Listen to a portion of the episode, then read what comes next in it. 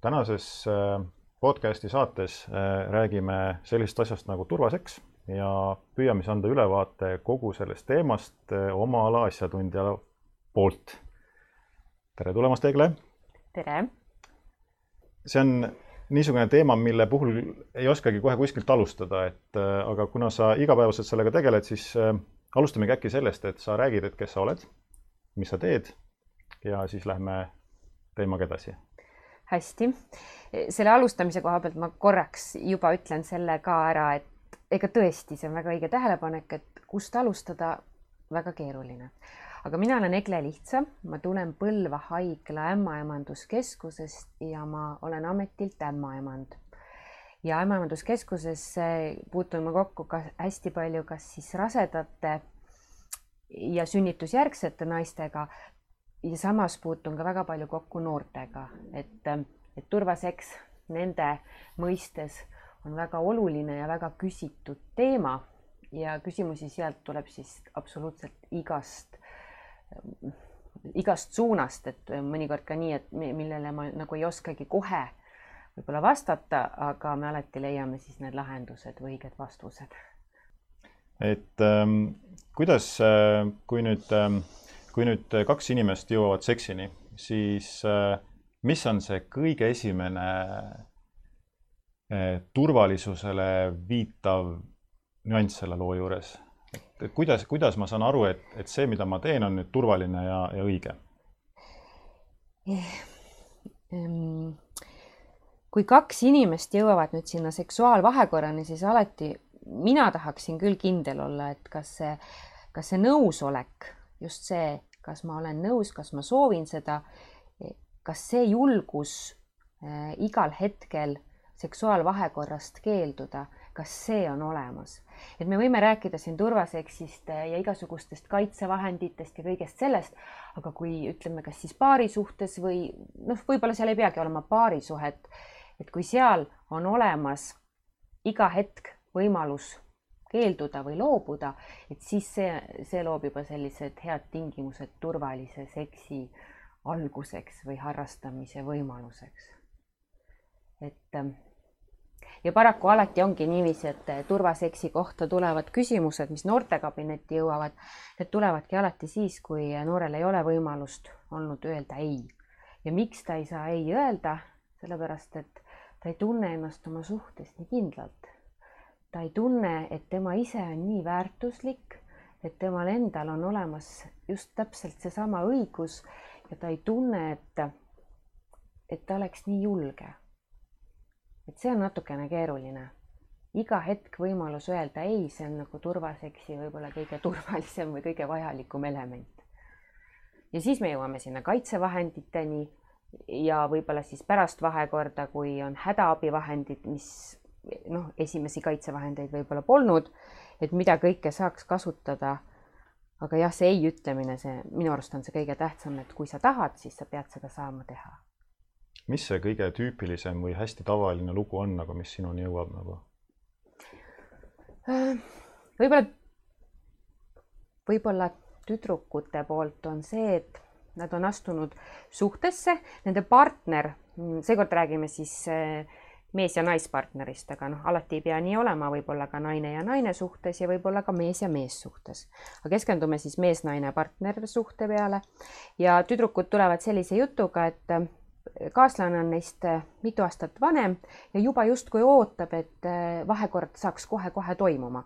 Nad on natukene aega tuttavad olnud, nad on natuke aega üksteist tundnud, aga äh, siis see vanem partner ootabki sellist seksuaalvahekorda ja, ja tüdrukud ütlevad, et nad iseenesest ei ole valmis, nad ei tunne ennast veel nii kindlalt, aga nad tulevad noortekabinetti, kas siis rasestumisvastaseid vahendeid küsima või siis lihtsalt sellise turvaseksi või kohta infot nõudma ja paluma aga, aga tegelikult nad ei ole valmis ja see juba teeb selle võimaliku tulevase seksuaalvahekorra ebaturvaliseks, sest et kui sa ei ole valmis ja siis on tõenäoline, et sa ei suuda seda ka nautida ja siis kaob minu arust kogu selle seksuaalakti võlu ära. jah, nii et ma saan aru, et seda siis äh, teatud momentidel võetakse suhtes justkui nagu kohustusena. jaa, kindlasti. Et inimestel võibki jääda mulje, et ma olen nüüd paarisuhtesse astunud, et seksuaalvahekord, see on, see on üks kindel osa sellest, see peab tulema päris ruttu. aeg on nii palju edasi läinud, et, et see võib mõnikord tahta tulla juba võib-olla isegi paaripäevase, paarinädalase tutvuse järel. et äh, mingid aastad tagasi oli selleks kuid või lausa isegi aastat vaja. et nüüd on see aeg nagu kuidagi kiiremini läinud, jah. Nii et see, mis me siit äh, selle nii-öelda seksuaalsuhte alguse koha pealt võiksime siis äh, nii-öelda kirja panna, on see, et, äh, et selleks on õige aeg siis, kui ma olen selleks ise valmis, et ainult mina saan otsustada seda, et kas ma olen selleks valmis. jah, e, sina ise pead saama otsustada, sa pead olema veendunud, et sinu partner on selleks valmis ja sul peab olema luba, et mitte, sul ei pea eh,, kui me vaatame selliseid drastilisemaid juhtumeid, kus eh, tegemist on olnud näiteks seksuaalvägivallaga, kui meie kohtusüsteemis peab alati ohver tõendama seda, et tema eh, ütles ei, siis eh, kahjuks on nii, et kunagi ei pea vägivallatseja tõendama seda, et kas ta on saanud selge sõnalise nõusoleku. ehk siis tegelikult sa küsid alati nõusolekut, isegi kui sa eeldad, sa küsid ikkagi ja nõusolekut me peaksime küsima kallistamiseks, suudlemiseks Äh, kehalise lähedase kontakti nii-öelda loomiseks ja kindlasti ka seksuaalvahekorraks. see, kuidas me seda nõusolekut võib-olla suudlemiseks ja kallistamiseks küsime, võib tunduda natuke pentsik praegu, et kuidas ma küsin, kas ma võin sind suudelda. no eesti keel on tegelikult ilus keel, loomulikult sa võidki niiviisi küsida, aga sa pead olema veendunud, et sinu partner heal meelel ja vabast tahtest tuleb sinuga kaasa ja see ei ole selline klišee, mida me igal pool mainime, et küsid nõusolekut, saad selle ja siis tegutsed. see lihtsalt ongi nii, et sa küsid ja saad nõusoleku ja siis sa tegutsed. selge. mis, mis, mis on need sellised ähm, küsimused, mida siis noored äh, kõige enam su käest küsivad? mis, äh, mis nõu sa neile annad siis? viimasel ajal kahjuks on noored natuke nagu kidakeelsemaks jäänud, et äh, kõige paremas mõttes, aga nad nagu väga ei, nad väga ise ei küsi, ehk siis, et ma pean ise aimama, vaadates neile otsa, et millest nad võiksid tahta rääkida, siis mõnikord ma alustangi kuskilt täitsa algusest, et räägin sellest, kas, kui me räägime esimesest vahekorrast näiteks, et kas see võiks valus olla, kas veritseb palju, kas see on ühtmoodi tunne noormehele ja neiule, kui me räägime siis jälle mees ja naispaari suhtest. et äh, ma pean nagu ise neid mõtteid genereerima, et ma oleks väga tänulik, kui noored hästi palju rohkem küsiksid, sest et sellist noortekabinetis sellist hukkamõistu või nii-öelda hinnangute andmist olla ei tohi ja ei olegi. et äh, mul on väga hea meel, kui noored mind ka harivad ja räägivadki oma mõtteid, mida nad tahaksid rohkem teada, et, et siis oleks ka mina targem.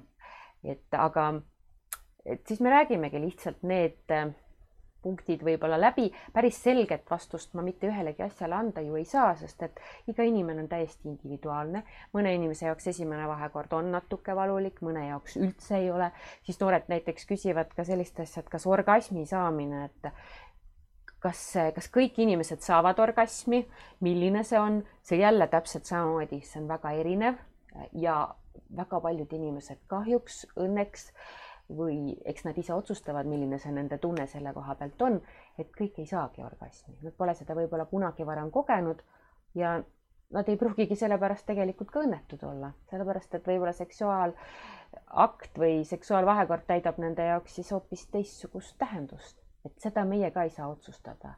iga inimene leiab ise, mis on tema jaoks siis selle, selle juures oluline ja kas see üldse on oluline kuidas sulle tundub, kas äh, praegused noored äh, räägivad seksiteemadel pigem vabalt või on ikkagi mingisuguseid selliseid valehäbisid sellega seotud või, või kuidas, kuidas sellega on, et kas ma saan aru, et kui sa pead ise nagu mõistatama neid teemasid, millest rääkida, siis kuidas sulle tundub, et kas kool näiteks saaks midagi teha selle nimel või peaks ühiskonnas midagi muutuma või, või kuidas seda no mina viimasel ajal võib-olla olen äh, nagu rohkem selliste noortegruppidega kokku puutunud just siinsamas riigigümnaasiumis ja mulle tundub, et siinsed noored on küll, igas klassis on vähemalt äh, selline peotäis aktiivseid, julgeid teised, kes tulevad kaasa ja võib-olla nad ei jõuagi enne midagi öelda, kui see aktiivsem, julgem on jõudnud oma sõnad välja öelda või oma mõtted välja öelda.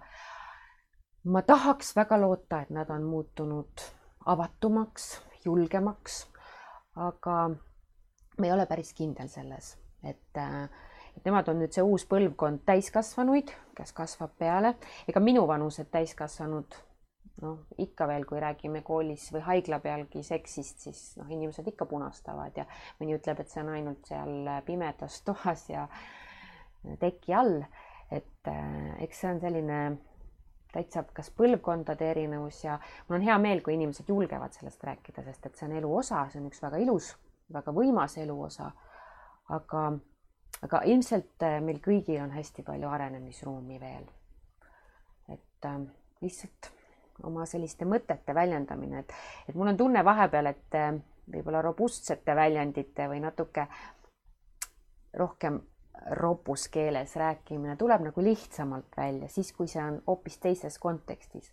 aga ma mõnikord palun noortel kirjeldada mehe või naise suguelundeid paberi peale, panna kirja siis, kuidas neid on võimalik nimetada, siis seda nad oskavad väga hästi teha. aga kui need peaks pärast nagu kõval häälel ette lugema, siis see on alati see koht, mis nagu tekitab hästi palju piinlikkust.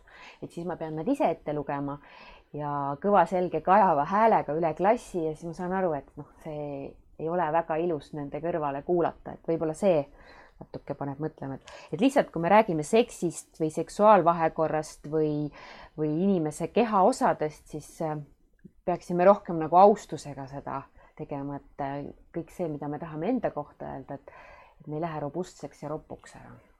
Jah, ma olen ise ka seda tähele pannud, et, et äh, inimesed tihtilugu ei oska oma suguelundite osasid nimetada ilusas keeles täpselt. ja, ja siis äh, ongi probleem selles, et ropendada nagu ei taha, eks ole, aga ei oska ka ilusas keeles nimetada või ei ole harjunud. et äh, mind isiklikult häirib ka nagu see, kui, kui ropendatakse, kasutades kõige vul-, vulgaarsemaid nimetusi ja nii edasi.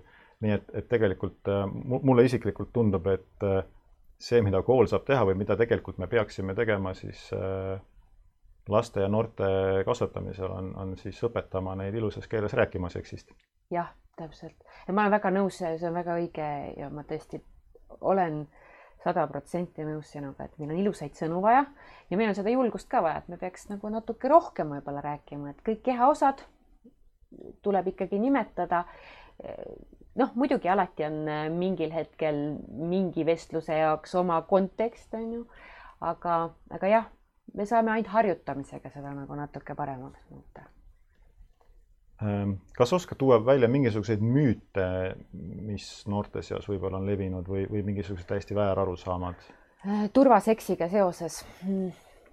nii no mitte turvaseksiga, vaid seksiga nagu noh, selles mõttes, et üleüldiselt jah, sest et sinu juurde ju jõuavad ju kõikvõimalikud sellised küsimused, ma saan aru mm. -hmm.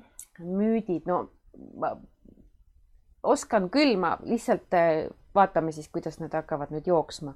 üks selline hästi levinud müüt mingi aeg oli, et kui kasutada vahekorra ajal kahte kondoomi, et siis on parem ja kindlam kaitse.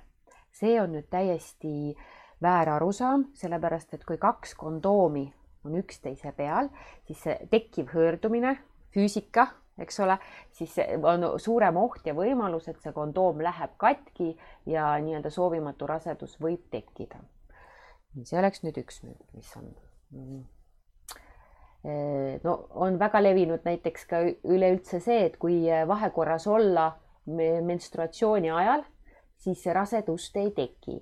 see võib nüüd olla tõsi siis, kui inimene on juba natuke rohkem aega elanud kui teismelise eluaastad. et noortel inimestel tavaliselt see ovulatsioon ja see menstruatsioonitsükkel, see on kõik selline hästi kõikuv et ega seda nagu väga nii ette ennustada ei saa, et kuna see ovulatsioon ehk siis võimalus rasestuda on, et see võib väga vabalt ka seal menstruatsiooni ajal olla, nii et rasedaks on võimalik jääda, kui olla vahekorras menstruatsiooni ajal.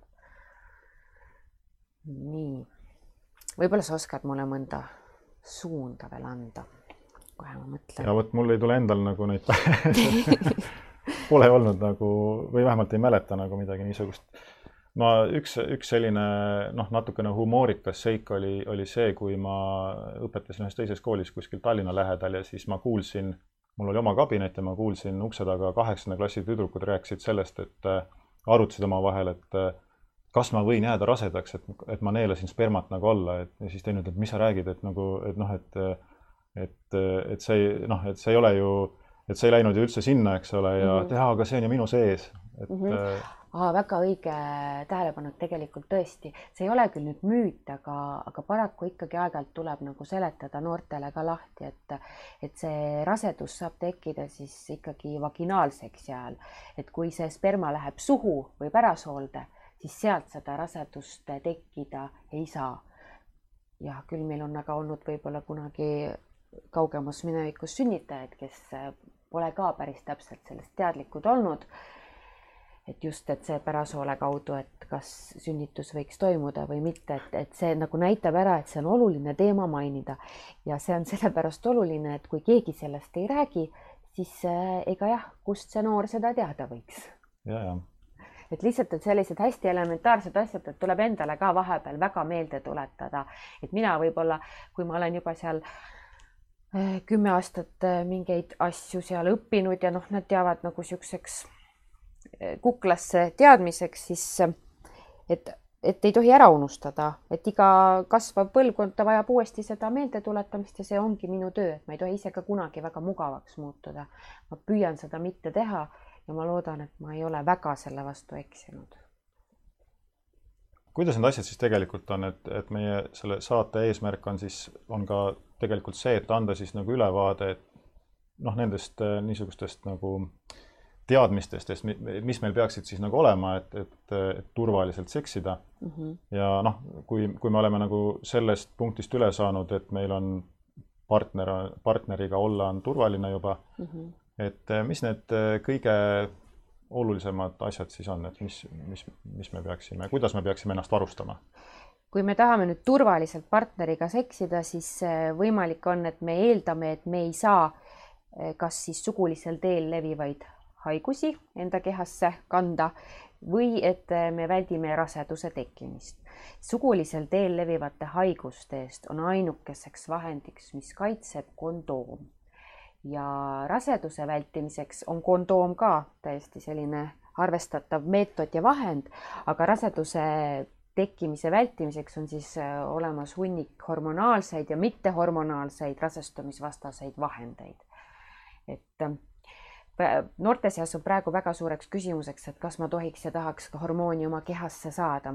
vot ähm, mina seda kunagi ei saagi öelda, et kas sa tahad või kas sa pead või ei pea, lihtsalt ma alati püüan tutvustada neid võimalusi, et hormonaalsed vahendid on paraku hästi mugavad.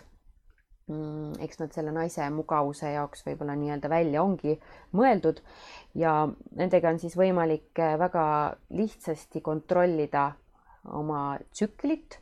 Ähm, vähendada võib-olla mõnda kaasuvat äh, haigust, valulikud menstruatsioonid, nahaprobleemid, et kõik need on võimalik hormonaalsete vahenditega vaikselt tasapisi kontrolli alla saada. ja, ja mittehormonaalsete alla siis käivad meil võib-olla vaskspiraal, kondoom ja sterilisatse-, steriliseerimine ehk siis sterilisatsioon.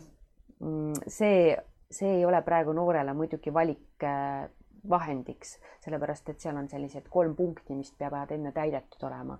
Eesti Vabariigi seadus ütleb, et sa pead olema kas siis kolmekümne viie aastane või sul peab olema vähemalt kolm last või nooremana saad sa kasutada seda vahendit ka siis, kui see rasedus kujutab äh, suurt ohtu sinu tervisele ja sinu elule. et noh, üks nendest kriteeriumitest peab olema täidetud, et siis on see võimalik. see on selline vahend, mida üldiselt, kui tulevad ka juba mitte teismelised meie juurde selle sooviga, et tahaksid teostada sterilisatsiooni, siis me alati nagu paneme neid või palume neil veel järgi mõelda, et meil on küllalt patsiente, kes otsustavad täpselt selle kolmekümne viienda eluaasta juures, et nad soovivad või täpselt need, kes on saanud seal kahekümne viiendaks eluaastaks juba ära oma kolm last, et nad kindlasti tahaksid, aga pärast noh, elu läheb vaikselt edasi ja ikkagi tuleb see soov uuesti lapsevanemaks saada, et siis on see juba väga keeruline selle protsessi ümber pöör-, pööramine, et võib-olla vahel isegi täiesti võimatu. aga noh, imejuhtusid ja edulugusid on siiski olemas, et kas, kas sellist asja on ka ette tulnud, et mõni teismeline tuleb ja teatab, et ta ei tahagi kunagi lapsi saada, sellepärast et planeedil on juba neid inimesi piisavalt, et tema tahaks kindlasti ennast steriliseerida? Jah, selliseid juhtumeid on olnud. Ehm, loomulikult igal inimesel on õigus otsustada. tänapäeval on juba noorte teadlikkus palju kuidas ma ütlen, suuremaks saanud, et, et noori, kes väidavad, et või juba päris ehm, noores eas teavad, et nemad ei soovi lapsevanemateks saada, neid tuleb järjest juurde see, kas nad oma otsust tulevikus muudavad või mitte, see jääb nende endi otsustada ja me ei saa neid, me ei tahagi neid kunagi hukka mõista, sest et tõesti, me toetame seda, et sa ise otsustad ja sa valid. Äh, lapsevanemaks võivad saada ainult need, kes seda soovivad, äh, kes tunnevad, et nad on selle jaoks valmis aga et kui, kui inimene on otsustanud, et ei, see pole tema jaoks, siis äh, loomulikult äh, tal peab olema see vabadus seda valida. nii noorele inimesele sellise põhjenduse puhul aga sterilisatsiooni teha meie kuidagi ei saa. et me saame talle soovitada siis muid rasestumisvastaseid vahendeid.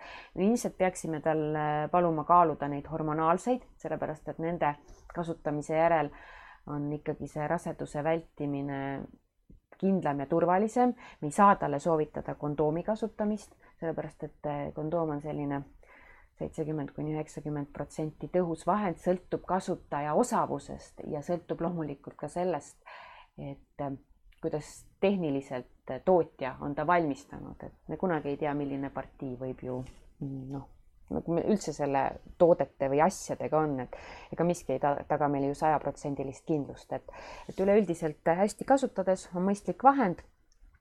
küll aga lihtsalt rõhun sellele, et igal vahekorral lihtsalt kondoomi kasutamine ei ole just kõige rahakotisõbralikum, eriti just noorele inimesele. aga kui tema tuleb noorte kabinetti ja soovib sellest vestelda, siis me saame talle juba välja otsida kõikvõimalikud hinnad anda talle võimalikud soovitused, et mida ja kuidas ta saaks kasutada mm. -hmm. kui nüüd minna tagasi selle suguhaiguste juurde, siis ma saan, kas ma saan õigesti aru, et kondoom on siis sisuliselt ainus eh, noh, niimoodi suurel määral kaitset pakkuv vahend selle jaoks, eks? jah, suguliselt ja. teel levivate haiguste eest kaitseb ainult kondoom. ja teine vahend, mis kaitseb, aga mida ma kunagi ei julge soovitada, on mitteseksimine. et aga jah et kui soovida elada seksuaalelu, siis ainult kondoom. okei okay., aga mis sa sellest arvad, et äh, on levinud ka või noh, minu kõrvu on kuulnud, äh, levinud ka selline kuuldus, et, äh, et soovitus siis, kui ma nüüd näiteks saaksin täiesti uue inimesega kokku, eks, ja, ja meie suhe on arenenud sinnamaani, et võiks nagu seksida, et kas siis äh, kas siis äh, näiteks, äh, kui me mõlemad testiksime ennast suguhaiguste vastu ja esitaksime üksteisele tõendi, et me oleme nagu puhtad, et kas see on nagu selline, kas see ongi tänapäevane suhtumine või, või mis sa sellest arvad? Eh, ma ei tea, sellepärast et eh, mina kujutan seda niiviisi pigem ette, et eh, kui noored on jõudnud sellisesse faasi, nad on armu, armunud ja soovivad seda vahekorda alustada, siis see, käib nagu justkui kellegi ego pihta, et kuidas sa ei usalda mind ja ei usu mind, et ma ju väidan sulle, et ma olen olnud, võib-olla ma väidangi, et ma ei ole kellegagi kunagi vahekorras olnud. alati usalda, aga sa samas, ma ei taha nüüd kuidagi halvasti kõlada, aga, aga samas ära usalda ka, sellepärast et meil on kombeks üritada rääkida mõnikord natuke ilusamat juttu, kui see tegelikult on. meil võib armastus kõik meie sees olla suur ja ilus, aga see sugulisel teel levivad haigused, et mõnikord inimesed mõtlevad, et, et kui ma ei tunne midagi, järelikult mul ei ole midagi viga. üldiselt levivad eh, sugulisel või sugulisel teel levivad haigused, neil neid sümptomeid ei pruugigi väga olla et harvadel juhtudel inimesed üks noh, midagi tunnevad või tunnetavad, aga mõnikord nad panevad selle ka mingisuguse muu häda, tervisehäda süüks. Nad võib-olla ei oskagi seostada, et lihtsalt, et, et noh, kui saada kokku ja teha siis see testimine, üksteisele need tõendid esitada, kui see mõlema partneri poolne nõusolek ja soov, aga palun, väga ilus ja turvaline ja üksteist hoidev tõesti, aga ma väga kahtlen, kas see tänapäeval käib nii. ma kujutan ette, et see võiks olla pigem nagu niisugune iseendale suunatud nagu turvatunde värk, et kui kui noor inimene on käinud näiteks palju mingisugustel pidudel, ööklubides, kui on olnud selliseid juhuslikke vahekordi, eks ole, et võib tekkida ju kahtlus, et, et, et mine tea, eks ole, et niisugune tüüp oli, et äkki, äkki nagu. no see on väga ilus ja hea mõte, et turvalisus, turvatunne enda jaoks ehk siis, et sa ise ei kanna midagi ja turvatunne siis oma partnerile, kellest sa tõesti hoolid, et sa ka temale midagi edasi ei anna. noortekabinetti pöörduvad mõnikord ka need noored kes on just eelmisel õhtul olnud kaitsmata vahekorras ja siis nemad ta, tahavad tulla noortekabinetti kohe ennast sugulisel teel levivate haiguste eh, jaoks testima, siis paraku me alati peame nad korraks tagasi saatma, sest et haiguse peiteperiood ehk siis see aeg, mil see haigussümptomid või üldse seda haigust on analüüsiga võimalik määrata, on kuskil üks-kaks nädalat, pigem nagu isegi kaks, selline kümme päeva keskmiselt. et et siis me peame nad tagasi saatma, et päris see vastuse saamine ja testimine nii kähku ei käi, et see haigus siis, kui tema on tulnud, tema peab sinna organismi nii-öelda ennast ka natuke kinnitama, et ta saaks siis anda tulemuse.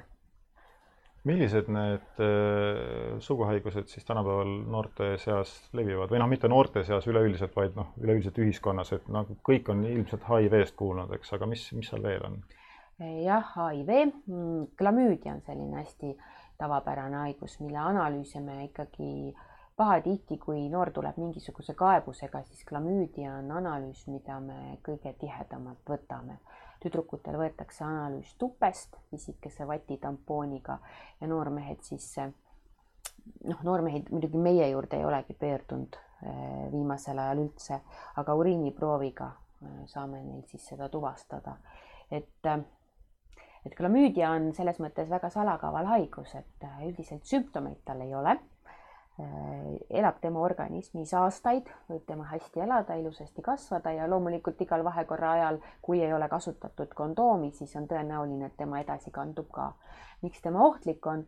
ohtlik on tema sellepärast, et, et äh, võib põhjustada viljatust ehk siis tulevikus laste saamine noh, teoreetiliselt pole võimalik kõik muud suguhaigused peale HIV iseenesest, kui sa oled selles kahtlusega, et sa oled tema saanud, siis alati soovitan minna noortekabinetti, lasta testida või üldse arsti juurde, et nad saab välja ravida.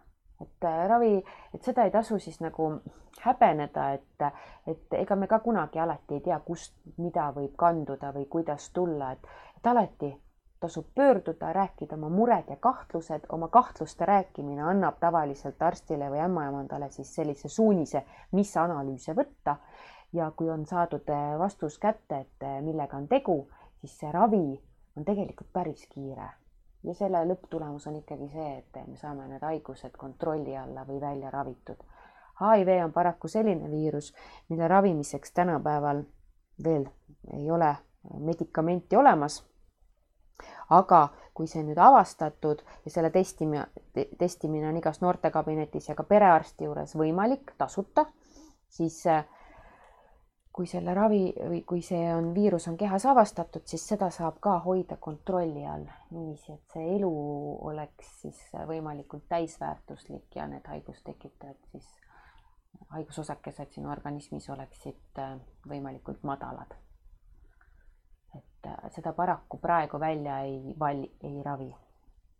ja ma ei oska ka selle kohta hetkel ühtegi sellist edulugu tuua, et ma tean, et äh, meedias hiljuti on ilmunud kaks artiklit, kuidas patsient on äh, saanud terveks HIV viirusest, aga ma ikkagi kahtlustan, et need on sellised valelekkega infod, et päris igat asja väga kriitiliselt peab suhtuma just kui see puudutab näiteks sellist haigust, et kas neid elu, edulugusid on või ei ole. hetkel minu teada pigem ei ole. nii et kui nüüd see teema kokku võtta, siis, siis ma saan aru, et, et suguhaiguse nii-öelda testi tegemiseks või noh, testima võid minna iga kahtluse korral. ja ja seal ei ole midagi häbeneda, et see ei ütle midagi inimese eluviiside kohta, et ma saan aru, et võib-olla meil folklooris on umbes niimoodi, et kui sa kannad suguhaigust, et siis sa oled üks liiderdaja või midagi taolist. et, et seda võib siis äh, ette tulla noh, täiesti pahaimamatult siit ja sealt, eks.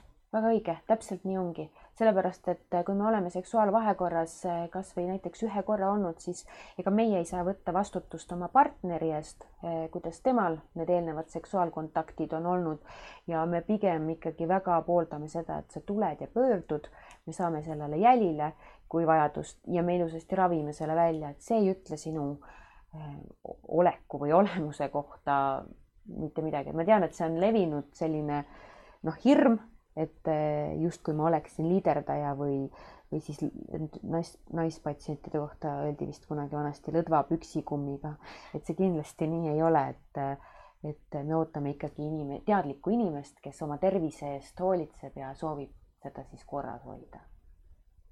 kui nüüd äh, raseduse juurde minna, siis äh, noh, me ei räägi praegu sellest, kuidas rasedaks jääda, vaid sellest, kuidas seda rasedust siis nagu ära hoida, sest see on noorte inimeste kontekstis äh, hästi oluline mm. -hmm.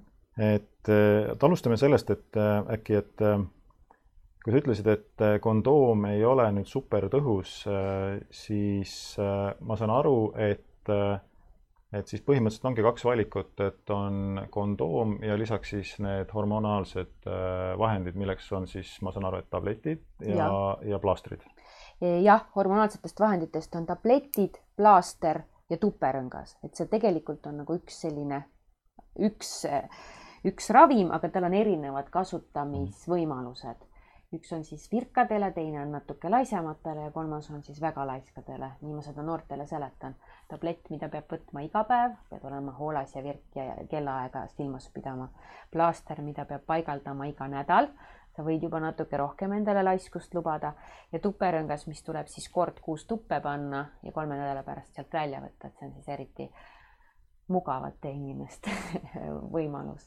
kui, kui rääkida nagu hindadest, et siis äh, kas, kas nad on kuidagi võrreldava hinnaga või on mõni neist märksa kallim või kuidas sellega on? hindadest on niiviisi, et äh, pillid või siis tabletid, need on tavaliselt, äh, kuna neid on nii palju, need on ravimturul on tohutu konkurents, nende hinnad on kõige soodsamad, et ühe kuu varu algab seal kuskil neljast eurost. et kui me apt-, netiapteeki vaatame näiteks, siis seal ei ole seda Haigekassa soodustusega hinda, et noorel on tavaliselt viiskümmend protsenti hinnasoodustust. aga tabletid siis umbes neli eurot ja sealt ülespoole karp. plaaster, mis praegu meil on turul Evra nimega. no see on selline kümne euro kanti, ma nüüd päris täpselt et äh, ma võin natuke valetada ja siis on tuperõngas, mis on siis kaksteist eurot, et plaaster ja tuperõngas on kallimad vahendid. kas see tuperõngas on populaarne ka või, või kuidas sellega on? see ei ole väga populaarne, sellepärast et äh, esiteks ta pole nagu justkui väga levinud, et noored äh, mõnikord ka kardavad midagi tuppe asetada, aga ikka vahepeal, kui noor tuleb ja ta täpselt ei tea, mida ta tahab, siis ma viitan nendele tuperõnga mugavustele siis, et kasutada, et, et, et noorel inimesel on tänapäeval väga palju asja vaja meeles pidada, alustades koolist, trennide ja mille iganes veel jaoks ja, ja sinna mälusoppi see võib-olla ei mahu. Ja siis tuleb üks tableti võtmise aeg ka veel meeles pidada, et, et pigem ma räägin siis nendest võimalustest, mis annab mõistusele võimalikult palju vaba aega juurde kas see tuperõngas kuidagi ebamugav või?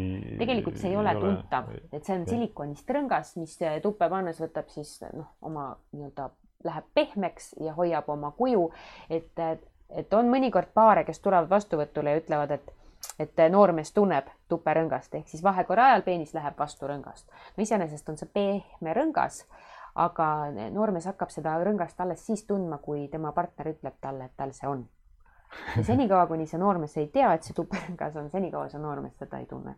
et see on natuke selline psühholoogiline ka võib-olla, et, et jah, pigem olen mina nagu nii aru saanud. Ja muidugi võib olla juhtumeid, kus tõesti see noormees tunneb, aga, aga tavapäraselt ikkagi ta tunneb seda siis kohe, kui ta teab, et see seal on. Kui, kui nüüd lastest rääkida, siis äh, praegu tuli pähe nagu see, et kui kui see sul kuskil, noh, ma olen näinud, kuidas see on naisterahvastel peal, et, et kui, kui sa näiteks käid ujumas või saunas, et kas see kuidagi mõjutab ka seda plaastri tõhusust või? no teoreetiliselt ikkagi see plaaster, kui tema on ilusasti puhtale kuivale nahale kleebitud, siis saun, ujumine ei tohiks teda lahti võtta. see nüüd sõltub jälle sellest inimesest, et kui palju tema armastab ennast kreemitada, kui palju armastab tema saunas käia või kui tihedalt tema ujub et loomulikult, kui ta seal seitse päeva nädalas ujumistrennis käib, siis no on suurem tõenäosus, et see plaaster võib sealt lahti tulla. aga no ideaalis ta peaks olema korraliku tugeva liiniga. et äh, tootja lubab, et ta seda ei mõjuta on juhtumeid olnud, kus ka ilma sauna, ilma saunas käimata ja ilma ujulas käimata see plaaster lihtsalt tuleb lahti. et siis võib, oleme mõnikord pidanud vahetama. Ja muidugi selle plaastriga on see, et iga kord tuleb tema kleepida erineva koha peale. on neli kohta, kus tema võib olla ja, ja mõnikord noored selle välistavad, sellepärast et mõni nendest kohtadest on siis nagu nähtav et äh, kui vanasti kasutati neid plaastreid võib-olla sellepärast, et näidata, et ma nüüd kasutan rasestumisvastast vahendit, et, et mul on juba seksuaalelu, see oli justkui selline äh, noh, moevärk, siis nüüd inimesed tahavad rohkem varjata, nad ei taha, et see nähtav oleks, et võib-olla sellepärast. räägime sellest äh, menstruaaltsüklist ka, et, et noh, kui et siis, äh, et kui varakult see tsükkel nagu sellisel viisil välja kujuneb, et, äh, et äh, sel, et seda arvestades võiks ka nagu siis hinnata seda rasestumisohtu või, või võimalikkust või, või kuidas sellega on, et kas üldse on olemas selline moment nii-öelda kalendri järgi arvestada, et, et noh, nüüd on nagu nii-öelda ohutud päevad ja, ja nüüd on, nüüd on siis, siis kindlasti vaja näiteks kondoomi kasutada või midagi taolist? no noorele inimesele mina arvan, et võib-olla ei ole, et pigem inimesele, kes tunneb juba oma tsüklit, et tunneb oma keha, et temal on see nagu tõenäolisem. küll aga mõnikord noored on küsinud, et kui ma olen vahekorras enne seda üldse, kui mul menstruatsioonid hakkavad, et kas see on siis piisavalt ohutu? ei, see ka ei ole, sest enne menstruatsiooni hakkab ovulatsioon ehk siis esimene ovulatsioon toimub üldse enne esimest menstruatsiooni ja me kunagi ju siis ei tea, et tavaliselt inimesed ikkagi ei taju seda ovulatsiooni. et see võib olla väga ootamatu avastus, et menstruatsioonid pole hakanud, aga rasedus justkui on juba tekkinud. et äh, kuidas seda arvestada, see, kui inimene soovib kalendermeetodiga mm, rasedust vältida, siis see on siis lubatav või nagu soovitatav, kui, kui juhuslikult peakski rasedus tekkima, et inimene teab kindlalt, mis ta teeb, et kui ta soovib selle raseduse alles jätta ja noh, lõpetada nii-öelda sünnitusega, et siis minu pärast kasutage seda kalendermeetodit, et võtke see oma vahendiks, aga kui rasedus on kindlasti välistatud, siis ma ei julge seda meetodit soovitada, sest isegi kolmekümnendates eluaastates inimestel või naistel see tsükkel võib kõikuda, menses võib hilineda, ovulatsiooniperiood võib natuke nihkuda, et vaadake üldse, mis meil praegu maailmas toimub, meil on nii palju stressi, meil on nii palju igasuguseid emotsioone ja, ja, ja kõik see mõjutab, et inimesed teevad järjest rohkem trenni. Nad toituvad kas paremini või halvemini, et kõik see mängib rolli selles, kuidas meie kehaline tsükkel toimib ja mina ausalt ei tunne küll oma keha nii hästi, et mina ise julgeksin kasutada kalendermeetodit.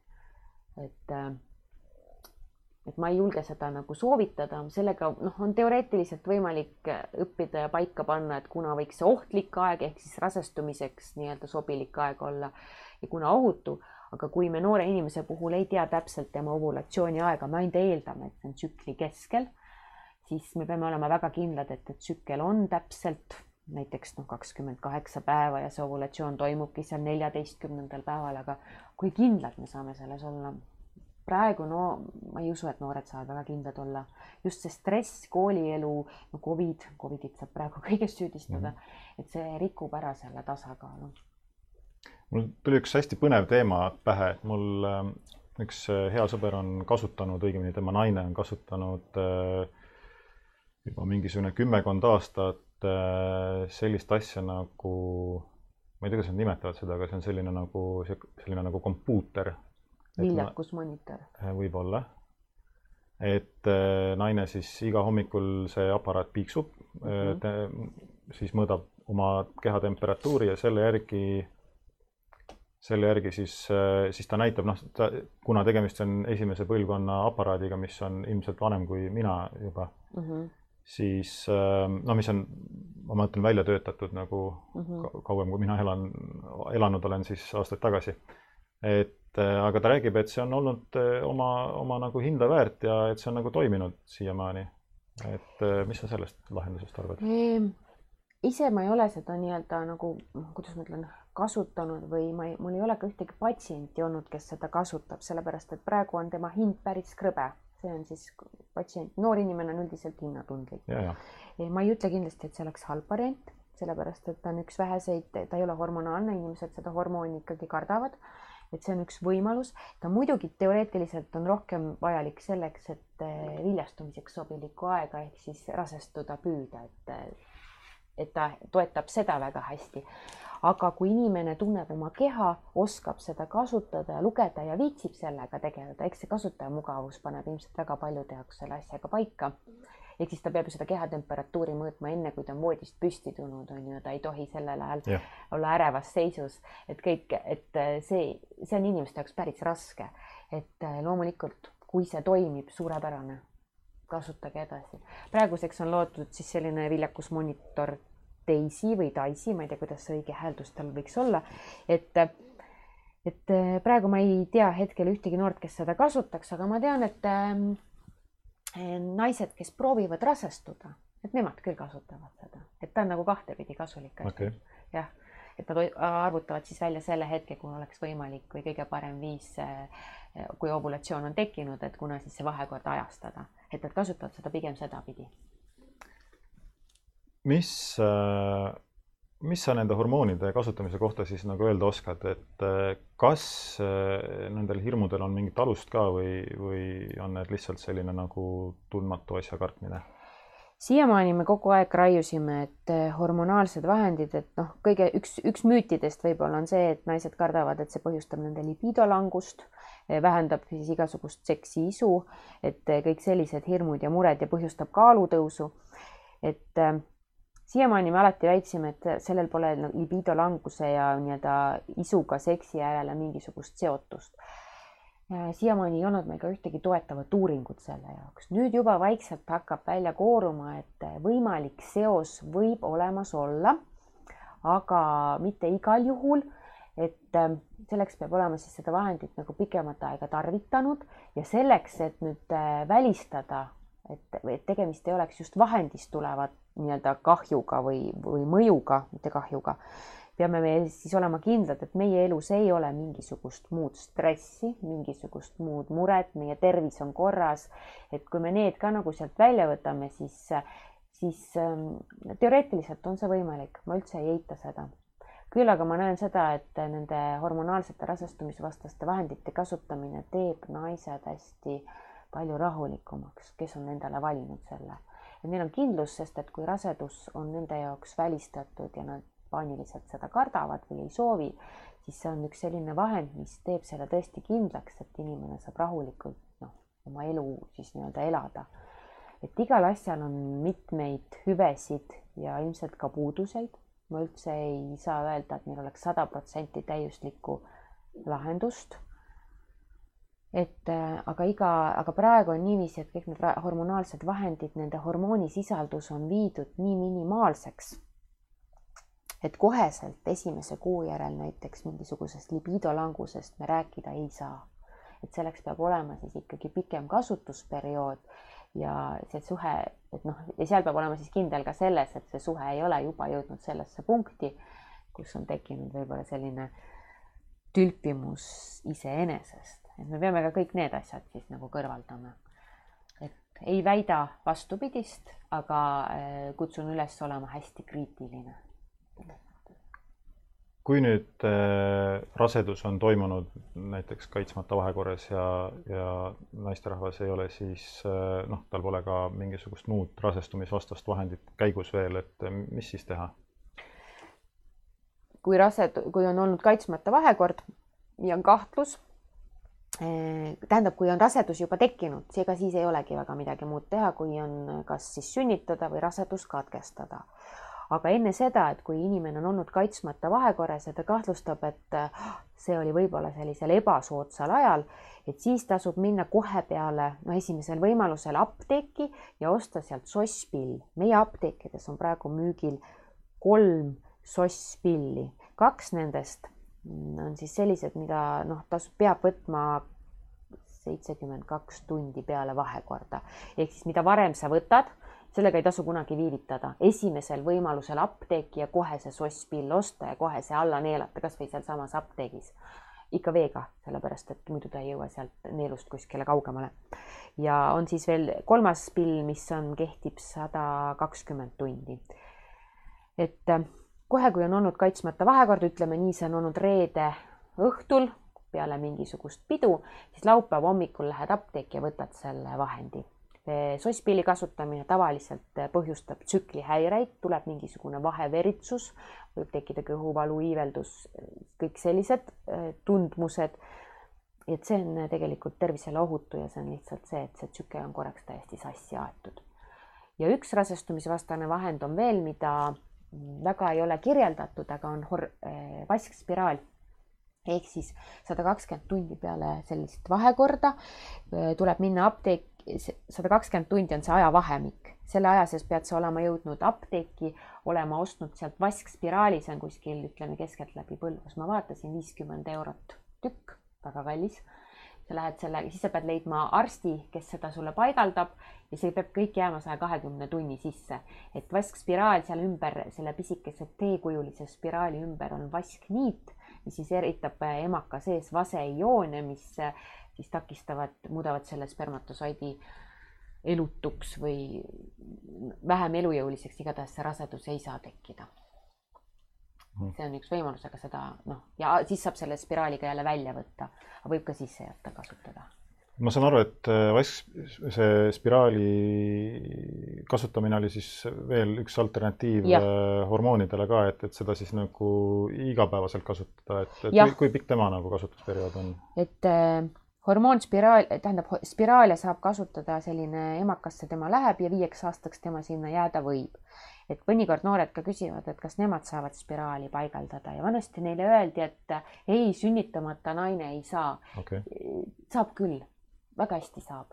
noorte jaoks on olemas sellised väiksemad spiraalid veel, kõik sõltub sellest mugavusest, aga hind on temal, noh muidugi, kui ta viie aasta peale näiteks ära jagada, siis seitsekümmend eurot oli umbes nii.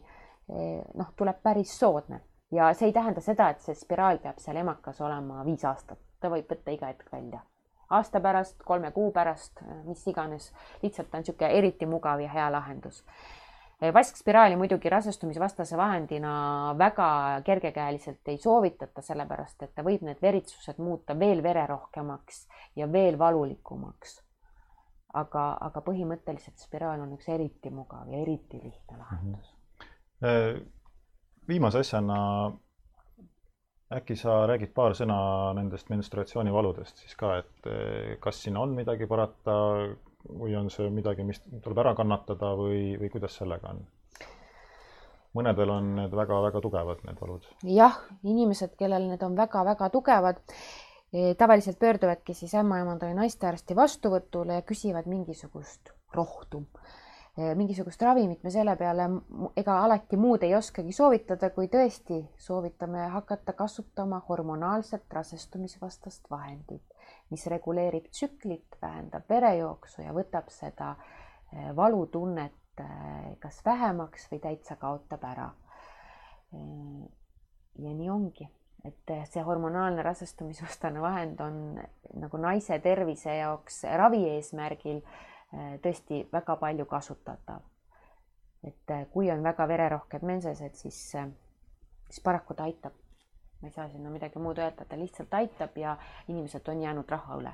küll aga see toime ei pruugi esimesel nädalal tulla, et siis me peame natuke olema harjunud sellega, et keha vajab aega ja hormoonisisaldus keha sisse, ta peab natuke kuhjuma, et me saaks mingit ravitulemust.